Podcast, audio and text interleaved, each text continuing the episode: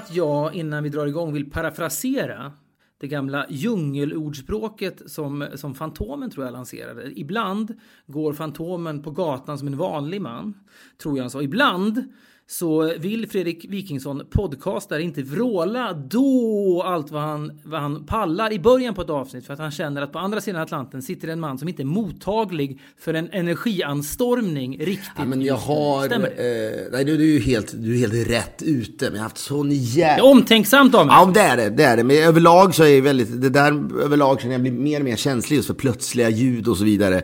Även när jag mår bra. Men nu har jag också... Jag, jag försöker jag pussla ihop mig själv igen efter, efter en av de värsta magsjuksepisoderna jag varit med om i mitt liv, måste jag säga.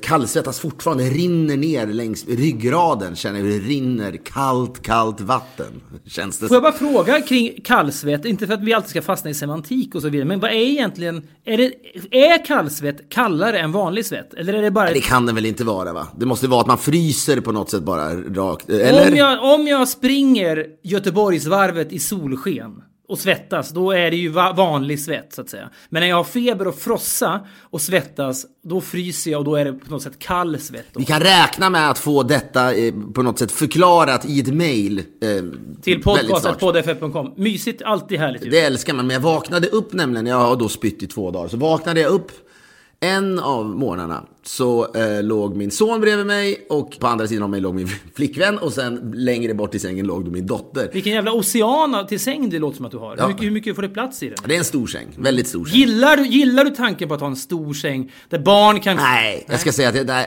nej, inte överhuvudtaget. Absolut inte. Försök inte Nej, ta men det. jag, vet- jag vet, du har ju målat upp visioner om din ålderdom där du ska omges av liksom 400 ättlingar som springer omkring dig. Jo, jo, men vänta nu. Det, det, är, något, det är en skillnad. Har jag sagt att man gillar att stå vid någon stor jävla liksom... eh, Man ska bara laga mat över öppen eld i något stort kärl eller så springer det barn runt en som vill veta om ens, om, om, om ens liksom händelserika liv. vad, är det, vad är det farfar har varit med om för spännande saker? Absolut, men i det här, du vet ju själv, du har ju barn, nu kanske de inte kommer in och lägger sig hos er så Tyvärr. ofta. Gör de det? men Jag, jag, la- jag låg ju mellan mina föräldrar ohyggligt sent i livet. Upp i tonåren. De är aldrig inne, de är aldrig inne? eller? Aldrig. Jag, jag, jag önskar ju att de hade varit ibland, för det är ju mysigt. men, men Sjukt. För du var typ 12 va? nej, jag var ju min, jag kan ha varit 14, 15 alltså. Jag, Fan, vad sjukt. Ja, ja. ja, men vad fan, jag, det var liksom in i livmodern bara. Det, var ju, jag hade, det fanns inte benzo på den tiden. Då man, fick man ligga mellan mamma och pappa för man hade prestationsångest och gick i högstadiet. Jag har ju aldrig, eh, ty, tyckte aldrig om det där. Jag minns att jag tyckte det var när min, Eh, eh, när min farfar dog. Det var mycket tragiskt. Eh, han, jag var ju med när han då säckade ihop i en, en, eh, en hjärtinfarkt. Och ja, kommer, kommer, jag, kommer jag aldrig glömma det. Fan, eh, obehagligt när han ändå säger då till sin, sin, sin fru, min, eh, min farmor, så säger han Greta, Greta, är det över nu? Det säger han. Och jag ligger i en, en säng Min mormor, min mormor dog ju också av en hjärtinfarkt. Jag var inte med när detta hände då, men hon hade också sagt då till min mamma det sista hon sa, ska jag dö nu? Nej, för fan. usch, Ja, jag vet inte ens om, jag, om vi orkar prata om det här. Men, Nej, det, det det, så, ja, men det, han säger det då. Greta, Greta, är det över nu? Och jag ligger på en bädd. Men också det är lite lättsammare när, när du, det är åtminstone en dialekt Och jag- när du jag- återberättar. Nej, jag, jag, jag, jag vet. Jag, jag vet inte vad... Jag vet inte vad, ja, det är inte lätt, lättsamt, det är så hårt. Det kanske till och med nästan blir underhållning. Nej, men jag vet inte, för något att, att just den detaljen är det jag fokuserar på. Men, och sen kommer då... Vet du vad det också alltid är? För du har ju berättat det här för mig tusen gånger. Det är alltid de dubbla Gretorna. Greta, Greta. Det är det som också som liksom lägger underhållningsribban för detta makabra ögonblick. Ja, men det var, han, han var, han var, ja men han, han idoliserade också sin, sin, sin fru på samma sätt som min pappa idoliserar sin fru. Okej. Vilket är intressant, alltså något, något totalt, vilket härligt, att matriarkat min farmor Eh, hade skapat där. Eh, och sa att han, eh, för hans, i hans värld fanns bara hon liksom. Och då, Greta, Greta är det över nu. Jag minns inte alls vad hon svarade, men så till slut kommer några ambulansförare dit. Mina föräldrar var ute på fest. Och sen så kommer de då och eh, hämtar farfar och han skriker Greta, Greta och sen Le inte nu, jag ser att du ler på andra sidan mikrofonen. Du kanske, nej men det, Jo, bara, det, det är de dubbla gretorna, det är någonting med det som bara är, vet du vad det är? Jag tror att, han, jag tror att han kanske inte sa det. Jag ler för att när du återberättar detta så tror du att det blir starkare av att du lägger, till en Greta. Det är därför jag ler. Nej, men jag- vad det fan, du handlar inte om din farfar, det handlar om, din, det handlar om dig och ditt historieberättande. Jo, men som barn, hade du, om du hade varit typ, jag kanske var tio, varit med när din, när din farfar drabbades av en hjärtinfarkt, Men själv- du ihåg? Självklart starkt, men jag säger bara att det finns en liten del i mig som misstänker. Du, du kan ju inte vässa att, att han dör i en hjärtinfarkt, men det, det, kan, det, det finns alltid utrymme för vässningar för dig. Så vässningen här är de dubbla Gretarna, det är bara det det handlar om. Greta, Greta. Ja, och sen kommer eh, ambulansen då och de här eh, människorna och hämtar upp min eh, farfar, lägger dem på en brits, eller vad det heter, bår kanske det heter. Kör in honom i eh, eh, hissen och sen stannar hissen, vilket är, också har etsat sig fast. Och de skriker, vad i helvete, skriker de här ambulansförarna då. Och till slut så hoppar den igång och sen så, ja, detta om detta. Sen kommer pappa upp till lägenheten några timmar senare. Och så har det här skett och, och farfar lever alltjämt då. Och sen så går dagarna och det är en jävla plåga såklart. Farmor är hemma hos oss. Och man tänker, hur ska det gå för farfar? Han hade redan haft hjärtinfarkt innan, så att det, det, liksom, oddsen var väl inte jättebra. Men han flyttade ju på äldre dagar, flyttade de upp till, från då Skåne, från Tomelilla till Köping. Min farfar hade en Renault 4, sån här handväxlad Renault 4. Blå metallic som han var så himla rädd om. Och han var liksom inte van att det var så kallt på nätterna. Vänta, ja, det, vi, Eh, och han var- och var- är det sån jävla skillnad mellan Köping och Malmö? Nej men det var det för honom. Jag kan inte säga något. För det, är i alla fall, det som var när jag sov över där så satte han... Han var rädd för att bilen skulle bli, liksom, behöva hantera en hel natt. I den här arktiska kylan som finns i Köping? Ja. Exakt. Så då väckte han mig ibland när jag sov över där klockan så där tre på morgonen. Filip, Filip, Filip, nu går vi ner. Så åkte vi ner och sen utanför huset så drog han igång och tom, då, då, då man så här, tomkörde den här bilen i kanske 20 minuter så det blev varm. Och så satt vi där nere och my, myste Ja, men den stunden kan jag säga, det är otroligt. Det är, ju- det är, det är vackert som vi sa. Jag noterar att det var trippla Philips i den här återberättningen. Det är också mysigt att, att han kanske hade, hade det som ett tick att alltid när han adresserade någon så var det dubbla eller trippla adressater. Filip, Filip, Filip. Men det bilden av er två sittande i en bil mitt i natten. Det gnistrar av liksom så här, eh, frost och snö utanför. Och den här bilen ska bara värmas upp vid tre på natten så att den inte ska dö. Är ju otroligt. Han älskar den där bilen, hade inte mycket pengar heller, så det var, liksom, det en dyr investering när han köpte den där och ville liksom att den skulle hålla eh, i, all, eh, i all Det framtid. där är det mest rörande du har sagt på 20 minuter. Ja, jo, du ser. Ja. Ja. men så jag hade en ganska nära, eh, nära relation till min farfar. Jag tycker väldigt mycket om honom. Han var så, var så, så himla snäll. Eh, och så, han sa alltid, jag älskar, jag älskar dessert, sa han alltid till, till farmor. För han vågade inte säga, finns det någon dessert? Och då, då, då brukade hon bara, då, då minns jag alltid hon bara hackade upp lite äpplen och så hällde hon lite kaffegrädde över det. I en liten Här låter skål. det som att han sitter på ett hem ju. Ja, så här låter han. han ju dement. Nej, men han tyckte om det. Fick han kaffegrädde och lite äpple som bara obskur. Okej, men då, så han satt där, lunchen eller middagen var avklarad och så sa han då bara Jag älskar dessert. Ja, lite till sig själv. Han vågade inte säga till henne för hon var ju Nej, tyrannisk. hon skulle ju kunna svara att ja, ja, vi har bott ihop i 60 år, jag vet det. Ja, jag älskar dessert. Då kommer alltid sucka de och så helst skvätter hon lite kaffegrädde över det ena och det andra. Det var liksom lösningen. Sänkt ribba för dessert, men ändå härligt. Ja. Sen gick dag, eh, dagarna, det var hemskt. Han låg på sjukhus, vi visste inte om han skulle överleva. Sen till slut en natt ringer han och eh, läkaren då berättar att "Ah, det gick inte att rädda farfars liv. Väldigt sorgligt. Och jag hör då hur min farmor primalskriker mer eller mindre. Det kommer jag också ihåg väldigt starkt. Ja. Det, det är ju vissa som säger att när man, och det är ju en av anledningarna till en om man inte är vegetarian så kan man bli vegetarian om man är i närheten av grisar som förstår att de ska av, av, liksom avlivas. Det är någonting i, om ni ursäktar liknelsen, hästväg då. Man borde väl inte använda djuret häst i, den, i det uttrycket, men det är väl otroligt om den skriken. Usch och fy. Ja, men det var det samma. Jag hade aldrig hört ett sånt skrik i hela mitt liv. Alltså som en bottenlös sorg. Det var min först... Ja, men usch, ja. ja. men du ja. Men det var sen blev jag väldigt då, samlade mig och var väldigt överraskad över sen var att min mamma kom in och eh, la sig hos mig. Och så sa hon, ja, vi, jaha, sa jag, varför då? Ja, men pappa och, och farmor vill ligga i samma säng. Jag vet. Det här har du berättat för mig förut, så jag ska inte spela överraskad här. Men det är och förblir väldigt speciellt. Ja, men man kommer ihåg att, att hon var då över 80 år och min pappa var liksom långt över 50 såklart.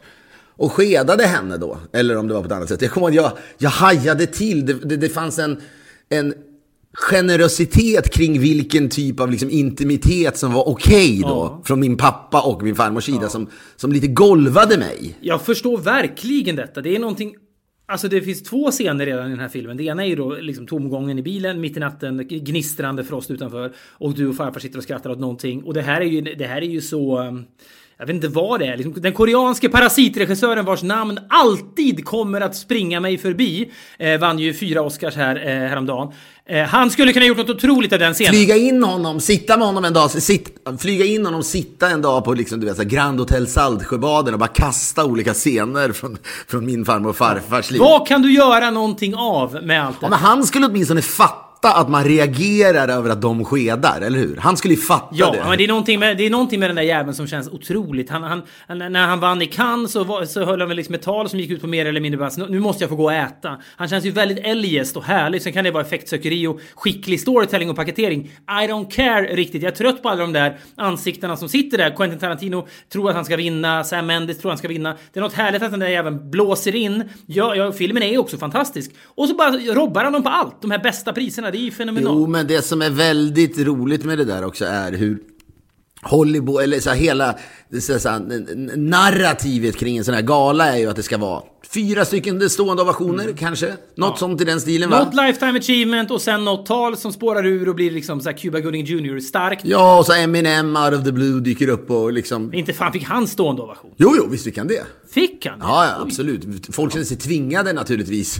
När de såg att de så yngre människorna som var där ställde sig upp. Ja, då var även Al Pacino tvungen att ställa sig upp. ja, jag förstår. Al Pacino ser ju ut som att han liksom har bott i en laggård de senaste sex åren. Det är helt otroligt. Ja. Han har verkligen gjort, han har gjort till sin grej att se skitig ut. Ja. En slags global Stefan Sundström. Ikonisk på något sätt. Ja. Ja, men det är fa- fascinerande. Nej, men det som jag tyckte var så kul då när han när de vinner om det för bästa film, jag tror att det är då det är. När de andra då som är då, eh, nominerade som regissörer i den där klassen är ju då, det är ju då Sam Mendes för 1917. Alltså, och- om, jag, om jag får vara liksom lite så här noga här då så är ju inte regissörerna nominerade för bästa film. Det är ju producenterna alltid. Så det är Ja, men bästa ja, regi. precis, låt oss säga, ja, men låt oss säga bästa Han vann ju bästa regi också. Exakt, och då var det väl Sam Mendes för 1917, det var eh, eh, Quentin Tarantino och sen även då Todd Phillips. Som egentligen, det som är otroligt med honom var ju att han är ju liksom hangover-mannen, eh, eller baksmällaren heter det i Sverige. Och började väl göra grejer med så här Johnny Knoxville och sånt där, tror jag. Men som nu... Nu har han klättrat sig in här i, i det där finrummet. Men han regisserar väl Joker helt enkelt. Va? Ja, och sen även Martin Scorsese, va? om jag inte minns fel. Jo, såklart, så sitter det in... Jag läste ett jävligt bra verb för övrigt på sociala medier idag. Jag kommer inte ihåg vem som skrev det, annars skulle jag credda den här personen. Men att, att jokra, det är liksom att, att dansa ner för en trappa som han gör i trailern och i filmen. Med det här, liksom, det här, den här dårdansen ner för en trappa. Det, är- det är då att jokra. Jag tycker att det var var så jävla... Det är ett otroligt verb. Och jag, jag känner mig sugen på att i sommar i något berusat sammanhang jokra ner för en trappa. tycker jag du ska göra. Det kan, det kan du behöva.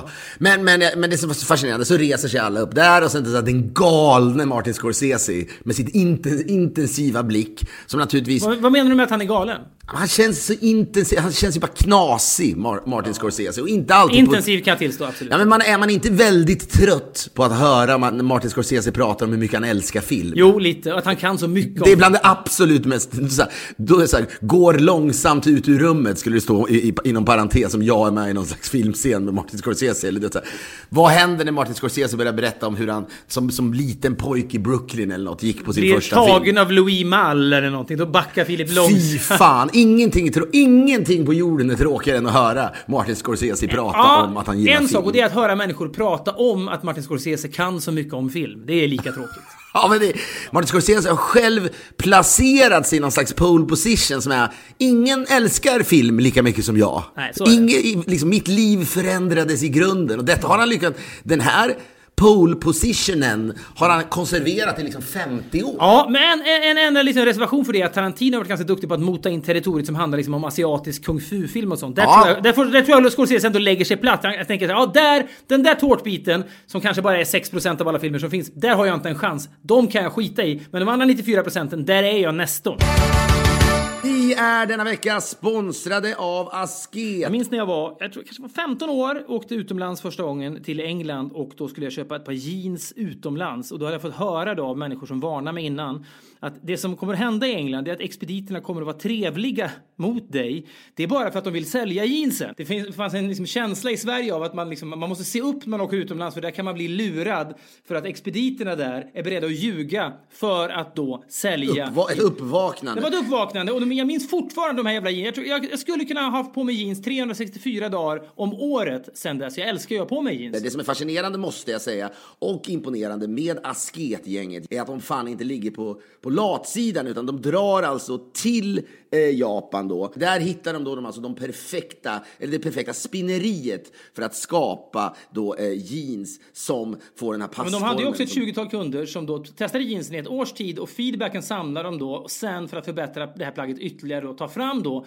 det, det ultimata raw denim jeansen och ni hittar ju mer om detta då på asket.com, asket.com och vi säger stort tack till Asket.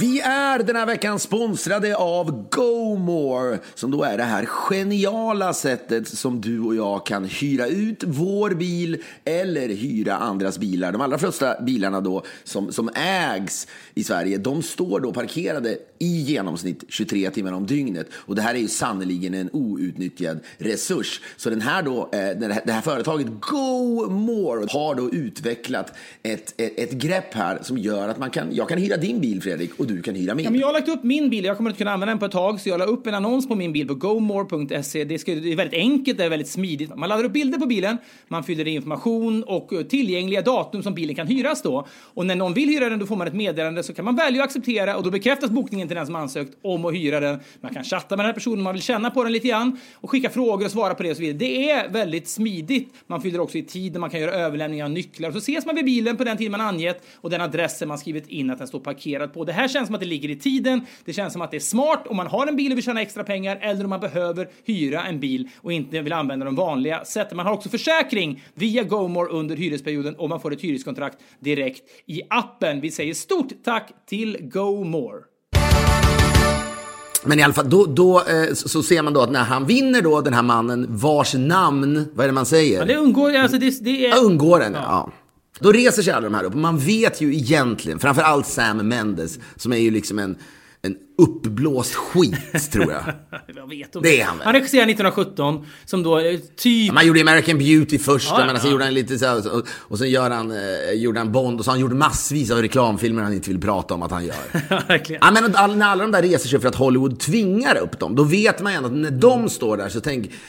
Sam, Sam Mendes tänker ju när han står där, visst, det är en bra film, men lugna er nu. Min film är ju bättre. Jag gjorde ju 1917. Det är typ en tagning! Den där jäveln springer genom 20 slagfält. Vad gjorde han? Han hyrde en dyr villa i Korea och filmade lite scener. Är Och hade en skruvad idé. Ja. Du vet. Men det är intressant, jag tänker så mycket på Oscarsgalan för du och jag var ju så besatta av den för bara 4-5 år sedan. Vi har kommenterat den för svensk tv och så vidare. Och det, det är någonting nu, dels förstås för att man liksom sju på morgonen så får man de bästa talen i telefonen. Det fick man liksom inte för 10 år sedan. Så att det finns mindre anledning att sitta uppe. Men det är som att jag liksom inte riktigt bryr mig. Men det enda som på riktigt intresserar mig kring det, det är ju när vanligtvis vinnande människor en kväll per år förvandlas till förlorare. Tarantino, ingen ser på honom som en förlorare. Någonsin! Så inte, som, inte sedan 1992 har han varit en förlorare. Men nu då när han då tror att han ska vinna två, tre Oscars för den här filmen och det är bara Brad Pitt typ som vinner för Once upon a time in Hollywood. Då är ju de facto, när Tarantino ser sig omkring, när galan liksom är slut, alla tittar på honom. Mm, nu sneglar de på mig, de tänker att jag är en förlorare. Det är någonting med det som jag tycker är liksom lite gripande. Att de här så jävla framgångsrika människorna faktiskt för en kväll går och känner sig som losers. Det är någonting Shakespeareanskt över det eller något liknande. Jag skulle hellre vilja se en sändning, bara liksom en Tarantino-cam. Hans reaktioner om han är uppmickad. Hur reagerar han på det här, allt det här? Det är också så att skådisar är ju ofta lite mer tanklösa än regissörer och manusförfattare. Ja, men det är det som är grejen. Jag tänker att det oftast startas ju, den här stående ovationen då för koreanen, den startas ju av någon liksom ytlig skå, skådis. Oftast. Joaquin Phoenix reser sig upp. Ja. Som, som, som liksom kämpar ihjäl sig för att framstå som en eftertänksam individ då. Ja. Och så reser han sig upp och man ser liksom hur Sam Mendes kastar ett öga på honom och tänker Du din dumma jävel. Det, det, du, kan ju, du kan ju bara uttala repliker som jag har skrivit eller någon annan. Ja, men det är också så att det är dubbelt orättvist mot regissörerna. Dels har ju då Sam Mendes och Tarantino har ju förlorat. De, är, de, så de hatar ju den här stunden. Att då behöva ryckas med i detta. Joaquin Phoenix har redan vunnit exempelvis. Han är också en, som, som du säger, en, bl, en blåst korkad skådis, kanske. Så det är lätt för honom. Ja, men han är själv, får jag bara säga så här, han har ju tillstått detta själv en gång i tiden. Han gjorde ju någon film där han spelade brandman tror jag. Jag vet inte exakt vilken det var. är det backdraft kanske? Ja, Jag undrar om det var backdraft. Det, var, ju- det har jag för mig var med br- bröderna Baldwin. Bland annat. Ja, William kanske, Baldwin. Men det var någon film i alla fall. Ja, men då han, och han, han sa någonting om att, att, att vara skådis är världens lättaste yrke. Det är bara någon som... Du ställer dig framför en kamera och sen berättar någon för dig vad du ska eh, då säga. Säga och göra. Sen har ju han då ändrat åsikt många gånger. Har säkert sagt att det är världens svåraste yrke också. Det var liksom en bra sägning från hans sida där och då. Eh, när han fick ur sig det där. Men, men det är ändå en, det är en sån otrolig skillnad givetvis. Sam Mendes är medveten om detta. Och även Tarantino. Så att det är klart att det där gör ju ont när de... Ja, men de, de där sekunderna när liksom, tanklösa skådisar som Joaquin Phoenix eller någon annan drar igång den stående ovationen. Regissörerna som precis har förlorat, som har jobbat i år med sina filmer. Till skillnad från skådisarna som kanske har varit på set i fyra, fem veckor och inte alls investerat lika mycket tankeverksamhet och men energi gjorde i nio andra filmer samtidigt. Ja, exakt. Och liksom skickat fakturor åt alla möjliga jävla håll. Men regissörerna då är ju också sämre skådisar. De är sämre på att fejka entusiasm för denna stående ovation. Så det är en dubbel bestraffning för Tarantino och Sam Mendes och de andra regissörerna. Visst, de är nominerade hit och dit. Men där måste de då uppbåda sina absolut största skådistalanger för att framstå lika entusiastiska som Joaquin Phoenix och de genuint då upprymda, blåsta skådisarna som drar igång den stående ovationen. De har liksom inte en chans där och det gillar jag ju. Det är, ju, det är någonting. Allt det där andra, talen, eller och framförallt de här liksom presentationerna och prisutdelningarna, det är bara manus, och det är bara sketcher. Det gör ingenting med mig. Men att se de där liksom bristerna i när, när, när fasaden krackelerar på de här människorna som har vunnit och inte skådisar, för de är för duktiga på att spela lyckliga. Tom Cruise förlor, har väl förlorat nio gånger. Han är proffs på att applådera och se lycklig ut ändå, men regissörerna är för kassaskådisar för att göra det trovärdigt. Därför är de ögonblicken något. Så är det. Och det var, vi landade då i koreanen, vars namn undgår oss. Med tanke på att man skulle vilja hyra in honom, han är dyr nu tror jag, men flyga in honom till Stockholm för att sitta med honom på Grand Hotel. Man bara berättar historier om min farmor och farfar och hur han då, min farfar gillade dessert. Och, och i princip liksom ständigt hörde man då min farmor sucka och sen så hällde hon lite kaffegrädde på någonting sött. Och sen satt han, Jag säger nu så jag har det sagt, han heter Bong Joon-ho. så är det. Så vi kan kalla honom Bong härifrån och med nu då, om vi vill. Han var ju så tacksam min farfar för detta hela tiden. Det tack Greta, du gör den bästa, gör den bästa eh, desserterna i världen. Och så vidare. Men han dör då i alla fall. Och vi får reda på detta och som jag säger att jag hajade till i min säng när jag förstod att, eh, att pappa och farmor låg och skedade varandra i, i, i en eh, i säng då. Märkligt kan man tycka. Eh, men sen samtidigt så hör man då om dig och att du skedade dina föräldrar fram till... Jag ska, liksom- alltså, du säger skede, det är inte, när man sover mellan sina föräldrar, det här är ändå viktigt att påpeka. Det finns här, det, det kan vara någon slags ingenmansland, apropå 1917 och första världskriget och, och liksom skyttegravarna. Man kan befinna sig i ett icke-rörande ingenmansland mellan föräldrarna. Ja, men det fattar jag men du ligger ju där, men det är någon slags trygghet som gjorde att du hamnade där. Det ändå. utstrålade värme från mina föräldrars eh, kroppar som gav mig då värme och trygghet. Men jag, jag rörde dem ju inte. Jag låg liksom inte kramade dem när jag var 15. Nej, det, nej, nej, men på något sätt kanske något ben gled över, på, över din mammas Ja, om det ben är viktigt för dig, för den här Oidipus-liknande då situation. Först ska jag liksom skeda morsan, sen ska jag mörda farsan. Det är kanske Bång kan få göra Nej, men jag tror nog ibland att ditt ben la sig över din mammas vad eller något sånt där kanske. Ja, det är inte omöjligt. Du låg inte helt perfekt rakt som en penna. Låt oss inte ens gå in på myten om att man får erektion sju gånger per natt. Där ska vi inte Så kan hamna. det ha varit. Men du har då också en brorsa som är två år yngre än dig. Han var, han var inte där inne alls. Aldrig. Mycket Nej. tryggare i sig själv.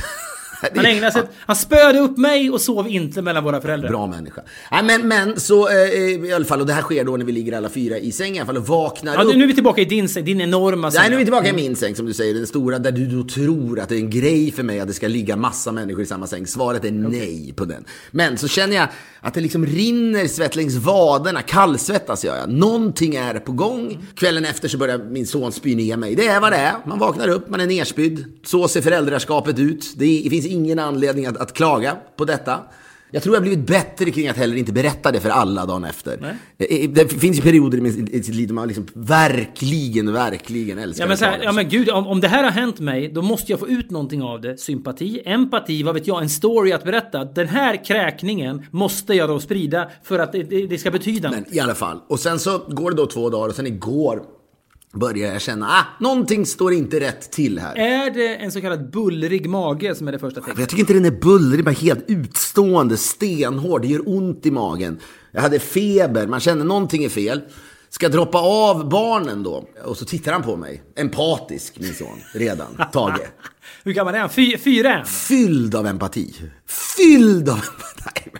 Jag skämtar! Folk som pratar om att deras barn är fyllda av empati, vilka jävla värdelösa individer. Det vet vi inte ännu. Han kan växa upp och bli The Joker för fan. Vi har ingen aning. Vi är denna vecka sponsrade av Finnair och vi pratade i förra veckan om klass och service, något man verkligen uppskattar när man flyger och det får man ju då hos Finnair. Låt oss Fredrik lyfta fram Finnairs app som underlättar resandet redan från bokningen. Den fyller ju då i all info automatiskt när man bokar. Perfekt då när man reser mycket och det första du ser i appen det är check-in. Kanske det viktigaste då innan resan. Sen har du dina digitala boardingkort i mobilen och behöver du addera en väska, välja säte eller kanske ändra något i bokningen så gör du det i appen och slipper kontakta kundservice. Man kan bara föreställa sig vilken tid man sitter i de här telefonköerna. Det här är enkelt, smidigt och tidseffektivt. De är otroligt duktiga på att hela tiden förbättra upplevelsen under resan. Vi säger därför stort tack till Finnair! Vi är denna vecka sponsrade av Blocket och låt oss, kan verka lite dystopiskt men tycker ändå det funkar, prata om dödsbädden. Vi kommer ju alla ligga där en dag och reflektera över våra liv och vi kommer då ångra många saker. Eh, bland annat att vi inte köpte den där drömbilen som fanns i våra tankar under så många år. Ja Men kanske den där opraktiska sportbilen då som var en dröm från barnsben. Sen blir man vuxen med barn och så får man inte köpa en sån där bil. Men man skulle fan bara ha gjort det så att man inte ångrar det när man ligger där då. För på Blocket finns då bilar för alla med Sveriges största utbud av bilar till salu från privatpersoner som såväl bilhandlare. Gå in på blocket.se slash bilar Och köp drömbilen på Blocket. Vänta inte så kan man då bocka av den på dödsbädden i alla fall. Det tackar vi Blocket för. Eh, vi är denna vecka sponsrade av DPJ Workspace. Eh, det är ju din partner då för kontorsmöbler och inredning sedan 1995.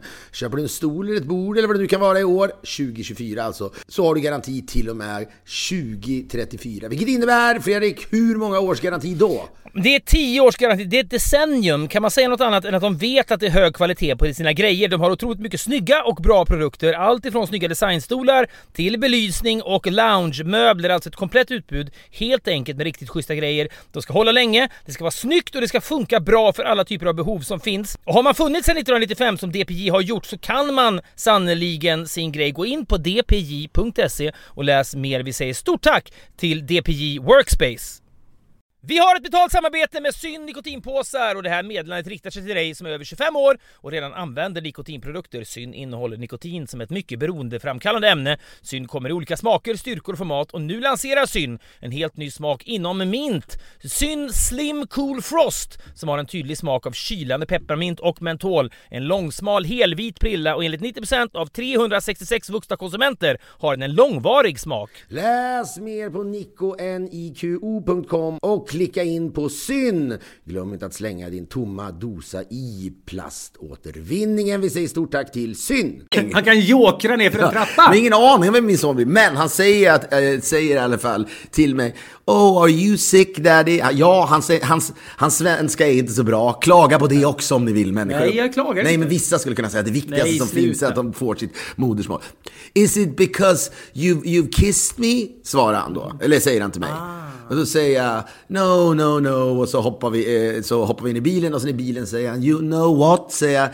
"Eh, eh, Even if, if you're really sick I'm gonna, I'm gonna kiss you as much as I want. It doesn't matter.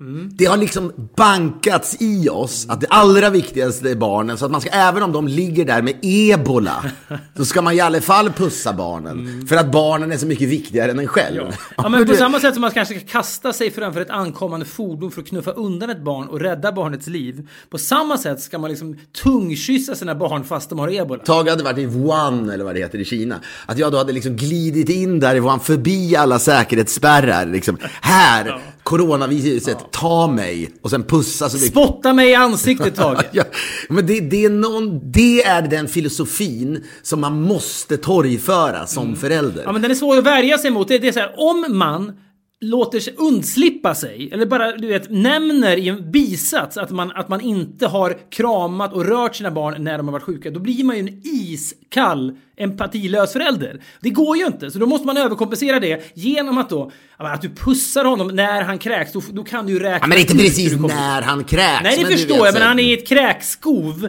Behöver du, kan du ju göra, visa andra ömhetsbetygelser. Men jag är en sån passionerad människa. För Ja, men det, ja, det är, fast nu kan du, kan du förstå att det kanske inte var smart. Nej, men jag inser ju att man är en idiot som ens tänker i de termerna. Men jag kommer ihåg, du och jag var ju i, för massa år sedan så var vi och filmade i Indien.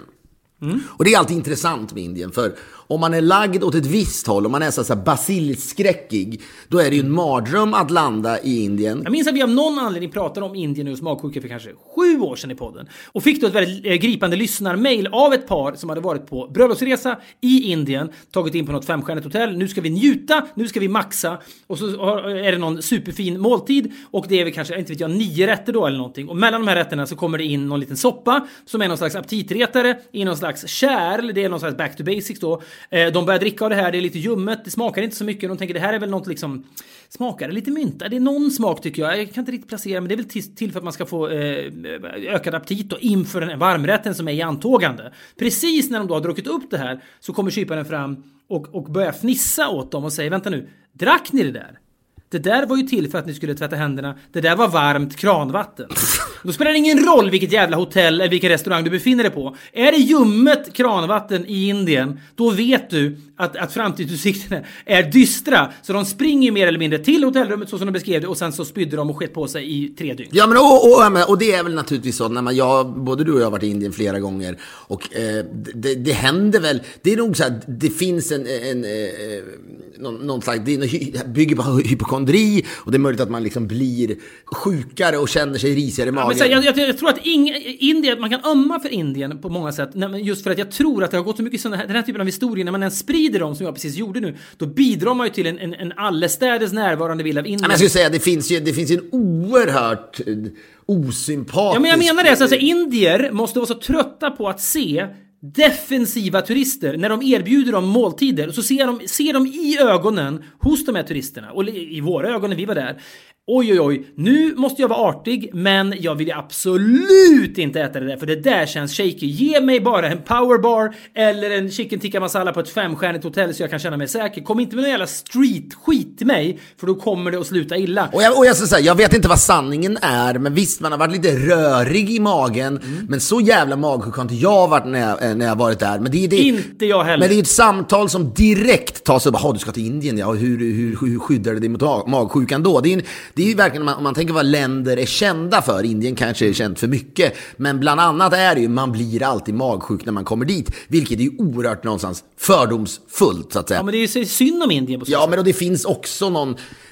Skulle, det är inte kolonialistiskt alls, men en känsla är ju att Indien ligger långt efter oss. Det är det, det, det, det, det bland annat åtminstone antyder att de tvättar inte händerna eller de skiter i liksom... Men vet du, vad, vet du vad jag lutar mig mot någon gång när jag då betänkte när vi var i Indien detta. Fan, det är för jävligt det här att vi har den här bilden av Indien. Men vänta nu, visst är det så att när japaner kommer till Sverige Ja, eller indier. Ja, men, ja, och Indien. Men jag tror framförallt japaner som äter så mycket sojabaserad mat. Så kommer de till det här laktoshelvetiska eh, då Sverige och äter liksom pannkakor eller vad det nu är. De får i sig så jävla mycket laktos så de blir också magsjuka. Det kan vara så att det går ut dekret bland resebyråer i Japan eller i Indien då, när folk ska till Sverige. Se upp för i helvete för magsjuk, det kommer du att bli. Jag hoppas nästan det. Å andra sidan, det där lyfts ju aldrig riktigt fram. Nej, men det är för att indier och japaner är bättre än vad vi är. De är mer ödmjuka och sympatiska. De Ja, snackar jag inte skit om, om Sverige när de kommer tillbaka från Indien. Nej men, då, men om de får en liten rännskita på grund av att de ätit pannkakor på något jävla brunchställe. Inte fan är det det de tar upp när de kommer hem och återberättar för sina vänner. Men svenskar däremot, och du och jag, när vi kommer hem, har vi fått en liten rörig mage, nog fan dyker det upp på agendan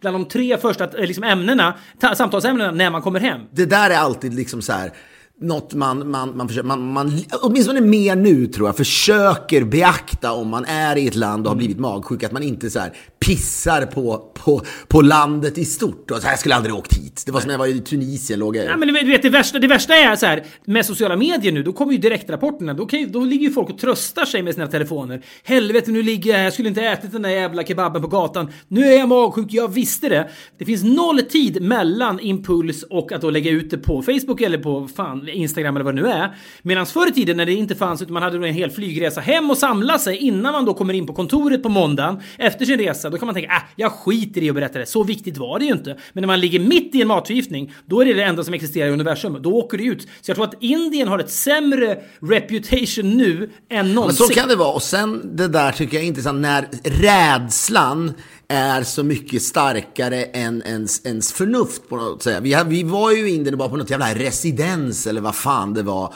och eh, skulle bjudas på eh, någon, någon, du vet, snittar. Jag minns det här jättetydligt. Det var, det var liksom vitt bröd med lite sylt. Så ofarligt som det kan det bli. Det, kunde inte, det var liksom motsatsen till en Vindaloo på gatan. Ja, men också på ett, ett, liksom ett opulent, liksom rent, du vet, palatsigt mm, hus. Ja, ja. Och sen så kommer, går det någon indier och serverar, serverar de här snittarna. Och vår, eh, en, en av våra eh, producenter som vi jobbar med, han liksom rycker tillbaka. Det här är en trevlig man. Det är ju ingen människa. Men, Ja. men där rädslan är så stark så, så hans... Han rycker! Det är, liksom, det är som att han nästan leviterar en halv meter upp i luften. Ja, och, så, och vad skriker han då? Och vad skriker han då? Till den här snälla servitören. I would not go near it with a 10 foot pole.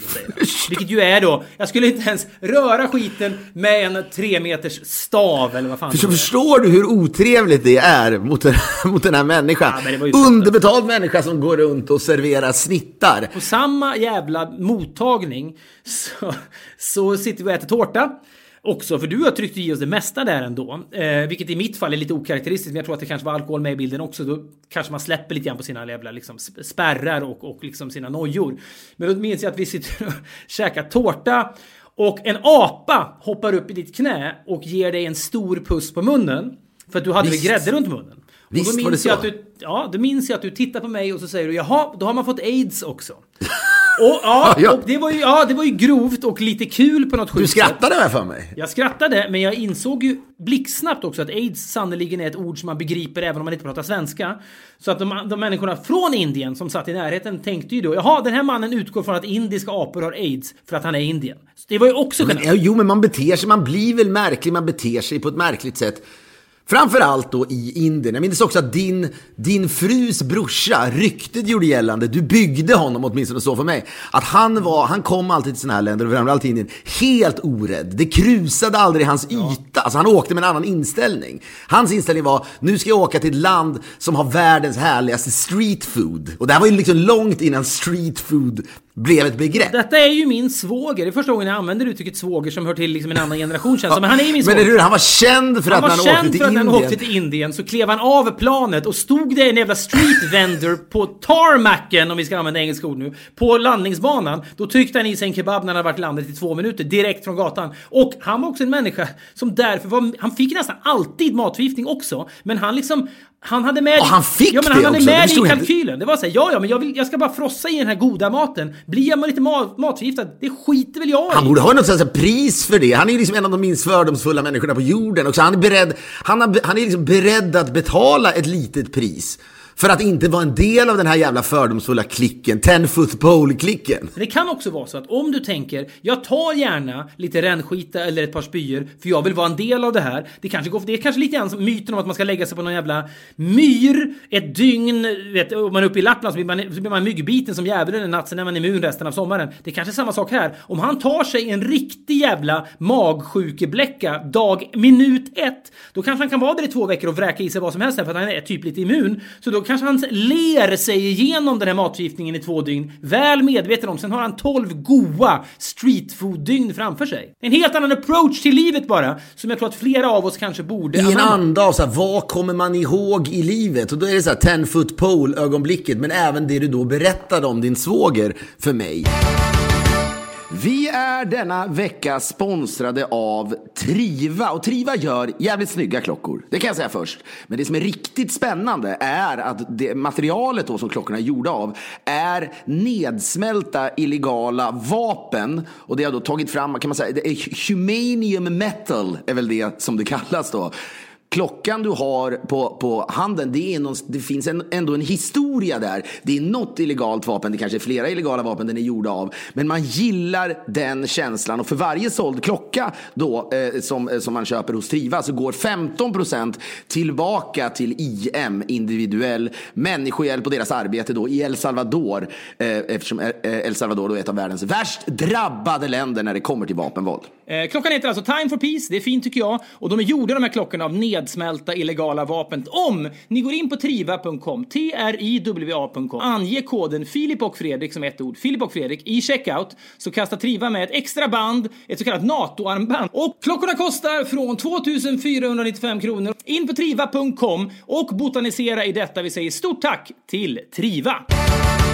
Det är saker och ting etsar sig fast och jag tänkte på det här då när jag nu har varit så jävla magsjuk. Efter att ha pussat på din son när han precis har... Ja, men jag har ju då droppat av min son sen igår, och jag bara, du vet, skakigt bara så här, nej, nu, nu, måste, nu, nu, nu måste jag vara för mig själv här, det här går inte. Och så ligger jag vid en, eh, eh, eh, en hink liksom och, och spyr järnet och passar väl ändå på liksom och coronavirus-skämtar med min tjej såklart, för det, det gör man mellan spyorna så att säga. Och kallsvettas något så jävult som jag aldrig varit med om och får då också ställa in flygningen till Sverige för första gången. Det har, tror jag aldrig jag har gjort, men jag insåg att om jag bordar ett plan nu i dessa tider i Los Angeles och inleder med att liksom spy, eller bara säger till de som jobbar på planet, kan, kan ni placera mig hyfsat nära toaletten här för jag känner mig lite risig. Ja men då vill de ju inte vara på samma plan som en. Det nej. förstår jag. Det är inte så här, det är väl alla förutom din svåger som då har sagt, nej men du kan sitta bredvid mig, det är lugnt. Spy ner mig. Det, det, det, spelar ingen roll. Det är väl också, det, det är någonting med, när man ser en magsjuka utifrån så tänker man ofta påfallande ofta. Ryck upp dig. Hur jobbigt kan det vara? Men när man är i det så är det jätte... Dock antar jag, nu där har jag inte tänkt tidigare, men man är väl ändå, jag tror att när jag är magsjuk, eller du, så är man mesigare än vad din svåger är, tror jag. Jag tror ändå det finns grader här också. Man tror att alla, ja, men är man magsjuk så är man. Då är alla lika utslagna. Det är nog inte så. Nej, alltså jag kan se framför mig att somliga människor är kapabla till liksom, de, kan, de kan springa ett Göteborgsvarv magsjuka. De har, vissa kan liksom, och så spyr man lite. På det här temat, inte riktigt. Men du och jag var ju, för några veckor sedan när jag var i Sverige, så var vi i Örebro. Det var på vägen från Örebro som jag då blev av med mitt körkort som vi berättade om. Det är roligt när man får så här mässen av folk så här. Bra, bra att ni inte romantiserade att köra fort och så här. Vad är, vad är det, det är så att det är viktigt för folk att skriva sådana mejl? Det det, ja, det är inte bra att köra fort, givetvis. Men det, det är också sånt, sånt som händer. Men då, i alla fall, då kommer vi dit, vi är jävligt eh, sönderarbetade. Det här var någonting som bokades in långt tidigare, det här företagsgigget. Och då, det är bara, bara att göra det. Eh, hade jag varit magsjuk, tveksamt om jag hade klarat av det. Men vi kommer dit, vi är så jävla trötta. och spelat in hur många Alla mot alla-avsnitt som, som helst. Och man, man sitter inne i någon, och väntar någonstans i någon, så här, liksom, någon loge innan man ska gå upp på scen. Och sen ska vi spela in en så här kortfilm först då, som ska visas senare på kvällen och möta några av de här då. Det här var för Reitan som, som driver då eh, 7-Eleven och Pressbyrån. Så vi sitter då och ska vänta på de, bäst, de, de vars butiker har gått bäst i Sverige. Och vi är så jävla slitna. Och det kommer det först in något gäng och vi gör vårt bästa. Det är absolut inte deras fel. De är superpeppade och vi är väl liksom halvmesyrskändisar som ska försöka intervjua dem. Sen plötsligt och det här är det, det, som är så märkligt. Vi pratar så ofta om Göteborg. Vi har ju verkligen penetrerat Göteborg. Snart skulle man kunna skriva en bok med liksom Göteborg ur olika... Så här, Göteborgs påverkan på Homo sapiens. ja, men förra veckan pratade vi om Malmö. Vi har ju, man får ändå säga, vi är inte så jävla Stockholmscentrerade i den här podden. Vi pratar ju mycket hellre om det som händer ute i landet. Kanske framförallt Göteborg och Malmö. Malmö är ju oerhört kluvet. Lite samma sak med Göteborg också. Ja, men exakt. Och, och, och ibland så pratade vi om, du vet, man pratar om mörka göteborgare, man pratar om ljusa göteborgare och, och allt vad det kan eh, vara. Men I det här fallet var det ännu mycket mer specifikt, för då dyker då alltså en göteborgare upp som driver kanske den mest framgångsrika pressbyrån i hela Sverige, eller en av dem i alla fall. Och det är inte så att vi så klickar med honom för att man har precis samma humor. Jag tror att skulle du och jag börja skämta med honom om, om du vet, eh, mm, Parasite-regissören och att man borde sitta och spåna med honom, så tror jag inte han... Vi har liksom inte, jag tror inte vi hade klickat direkt och att man hade bara lirat med Nej. varandra. Egentligen har vi liksom inget... Humormässigt tror jag vi står långt ifrån varandra. är min, bara min spontana känsla.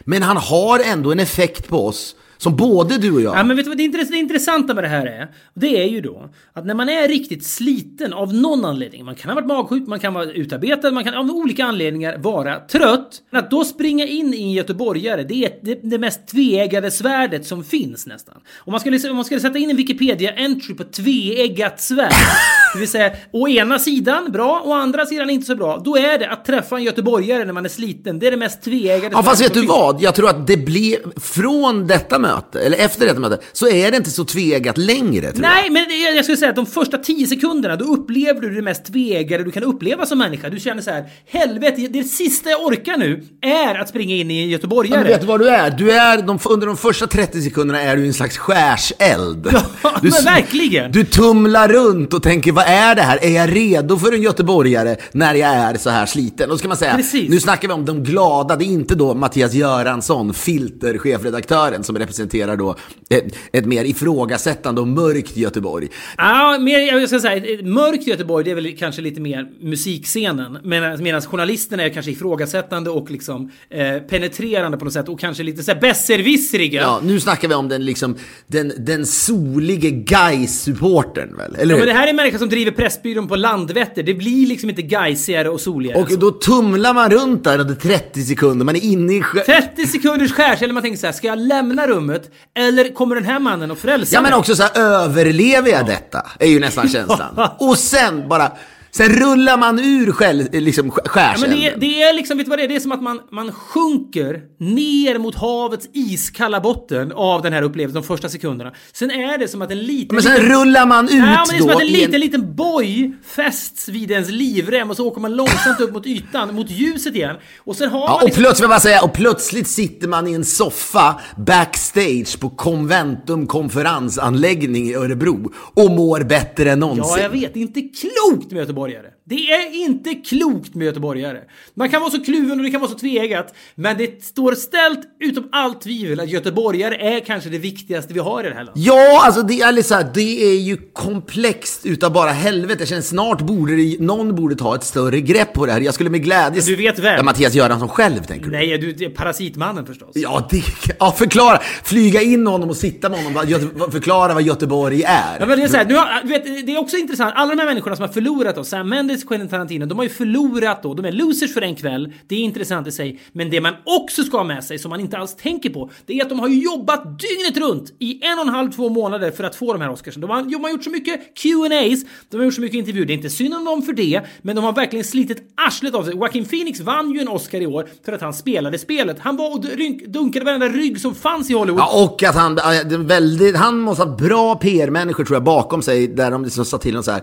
Nu ska du vara lite transparent, du ska berätta att du har varit lite med ett svin genom åren. Ja, men det är också någonting så här, när han i sitt tacktal säger så här, jag har varit ett as att jobba med, jag ber om ursäkt för det, tack för att ni har förlåtit mig. Det är enda osköna med det är att man har liksom både kakan och äter den, man är, man är ett as hela vägen. Och sen så när man då säger jag har varit ett as, då ska man älskas ännu mer för det. Det finns liksom ingen period när man är i frysboxen. Ja, men det blir konstigt när man lyfter fram förlåtelse, som eh, jag tror både du och jag kan skriva under på, skulle kunna liksom få lite större plats, tror jag, i tillvaron. Men när man baserar den, så att säga, teorin, teorin att förlåtelse borde praktiseras lite oftare, på att man själv har varit ett svin. Ett jävla as. Ja, det är märkligt bara. Men oav, oavsett detta. Det, det, det, det är direkt, och det, det satt ju Sam Mendes och tänkte, vad korkad du är. Men Sam Mendes och Tarantino framför allt mår ju piss för att de har, de har horat ut sig så jävla mycket för att då tjusa dessa Academy Voters och så får de det i alla fall inte. Då är ju förlusten, är, jag pratade om dubbel bestraffning tidigare, det är en trippel bestraffning. Men Parasitmannen och Bong, som han då heter i förnamn, John Woo, han är ju utarbetad nu. Han är lycklig förvisso för att han har vunnit massa Precis, Oscars. men han är ju, så att säga, man kan tänka så här, Sam Mendes är inte redo för något så så här, med så mycket tuggmotstånd som att åka till Stockholm och sitta och spåna om göteborgare. Han är inte riktigt där ännu. Men på ett sätt är ju Parasitmannen perfekt för han är i ett utarbetat tillstånd nu. Flyger han landar på Landvetter, vi möter honom, vi ska gå direkt in på Pressbyrån för där inne står mannen som är den typiska göteborgaren.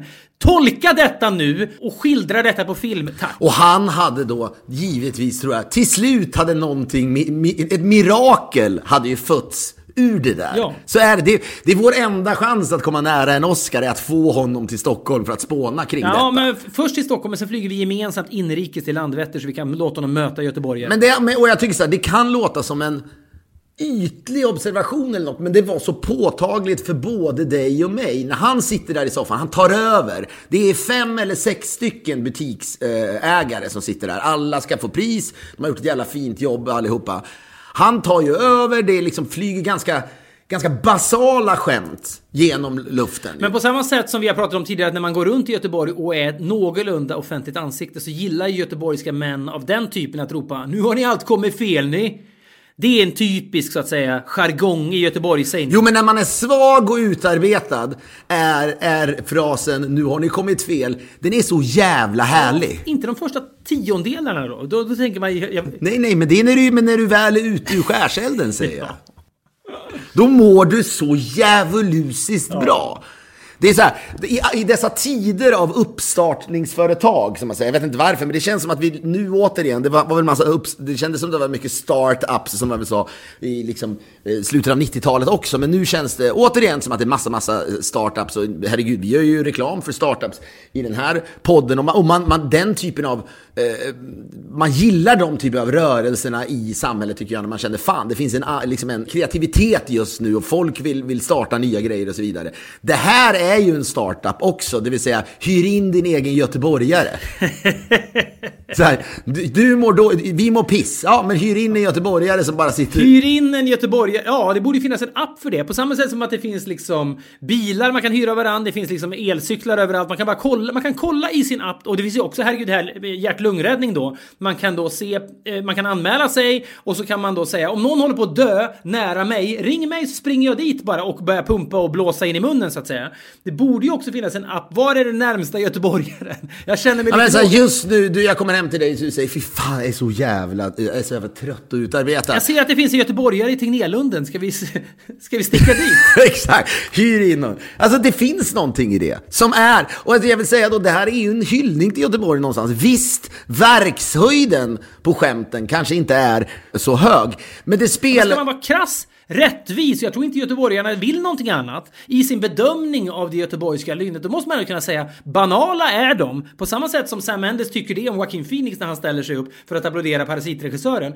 Då kan man tycka, ja men det är inte alltid djupsinnigheterna kommer från alla de här göteborgarna, men det är inte det man är ute efter här heller. Jag behöver en boost! Jag kan liksom inte dricka mer energidryck, jag kan inte dricka mer kaffe, men det finns en göteborgare i Tegnérlunden. Nej, då drar jag dit. Men det är, lite, det är ju lite savantigt. Men jag trodde aldrig jag skulle ta det. På ett sätt känns det som att en glad göteborgare är motsatsen till en konstig savant. Men egentligen är det ju det göteborgarna också är. De kan bara en grej. De kan Ja. det där. Ja, men de, de förstår det inte riktigt själva heller. De vet inte hur liksom, välgörande de är för andra Det är människor. väl så en savant också existerar. Kanske förstår inte hur märkligt det här är. Det är otroligt. Ja, men det skulle kunna vara en app. Jag skulle kunna vara beredd att gå in med pengar i den här appen med hyr in en göteborgare. Problemet är väl att man ser inte den globala potentialen. Det är det vi, ja, men det är det vi måste det enda man får hoppas på är att man kan branch out till andra länder och att det då finns norrmän som vet, ja men Bergen, det är liksom Os det är Norges Jo, Göteborg. framförallt i Sydkorea. Det är det vi kommer till. Han hade just jävla, jo men absolut. Jo men det, det finns ju alltid ett Göteborg i alla länder. Det kan ju vara så att på Irland, ja, då kanske det är Galway. Ja, och i Korea. Och i Sydkorea finns det också det. Ja men det finns ju alltid i alla länder en stad som gör det göteborgare gör för Sverige. Så den här appen har ju internationell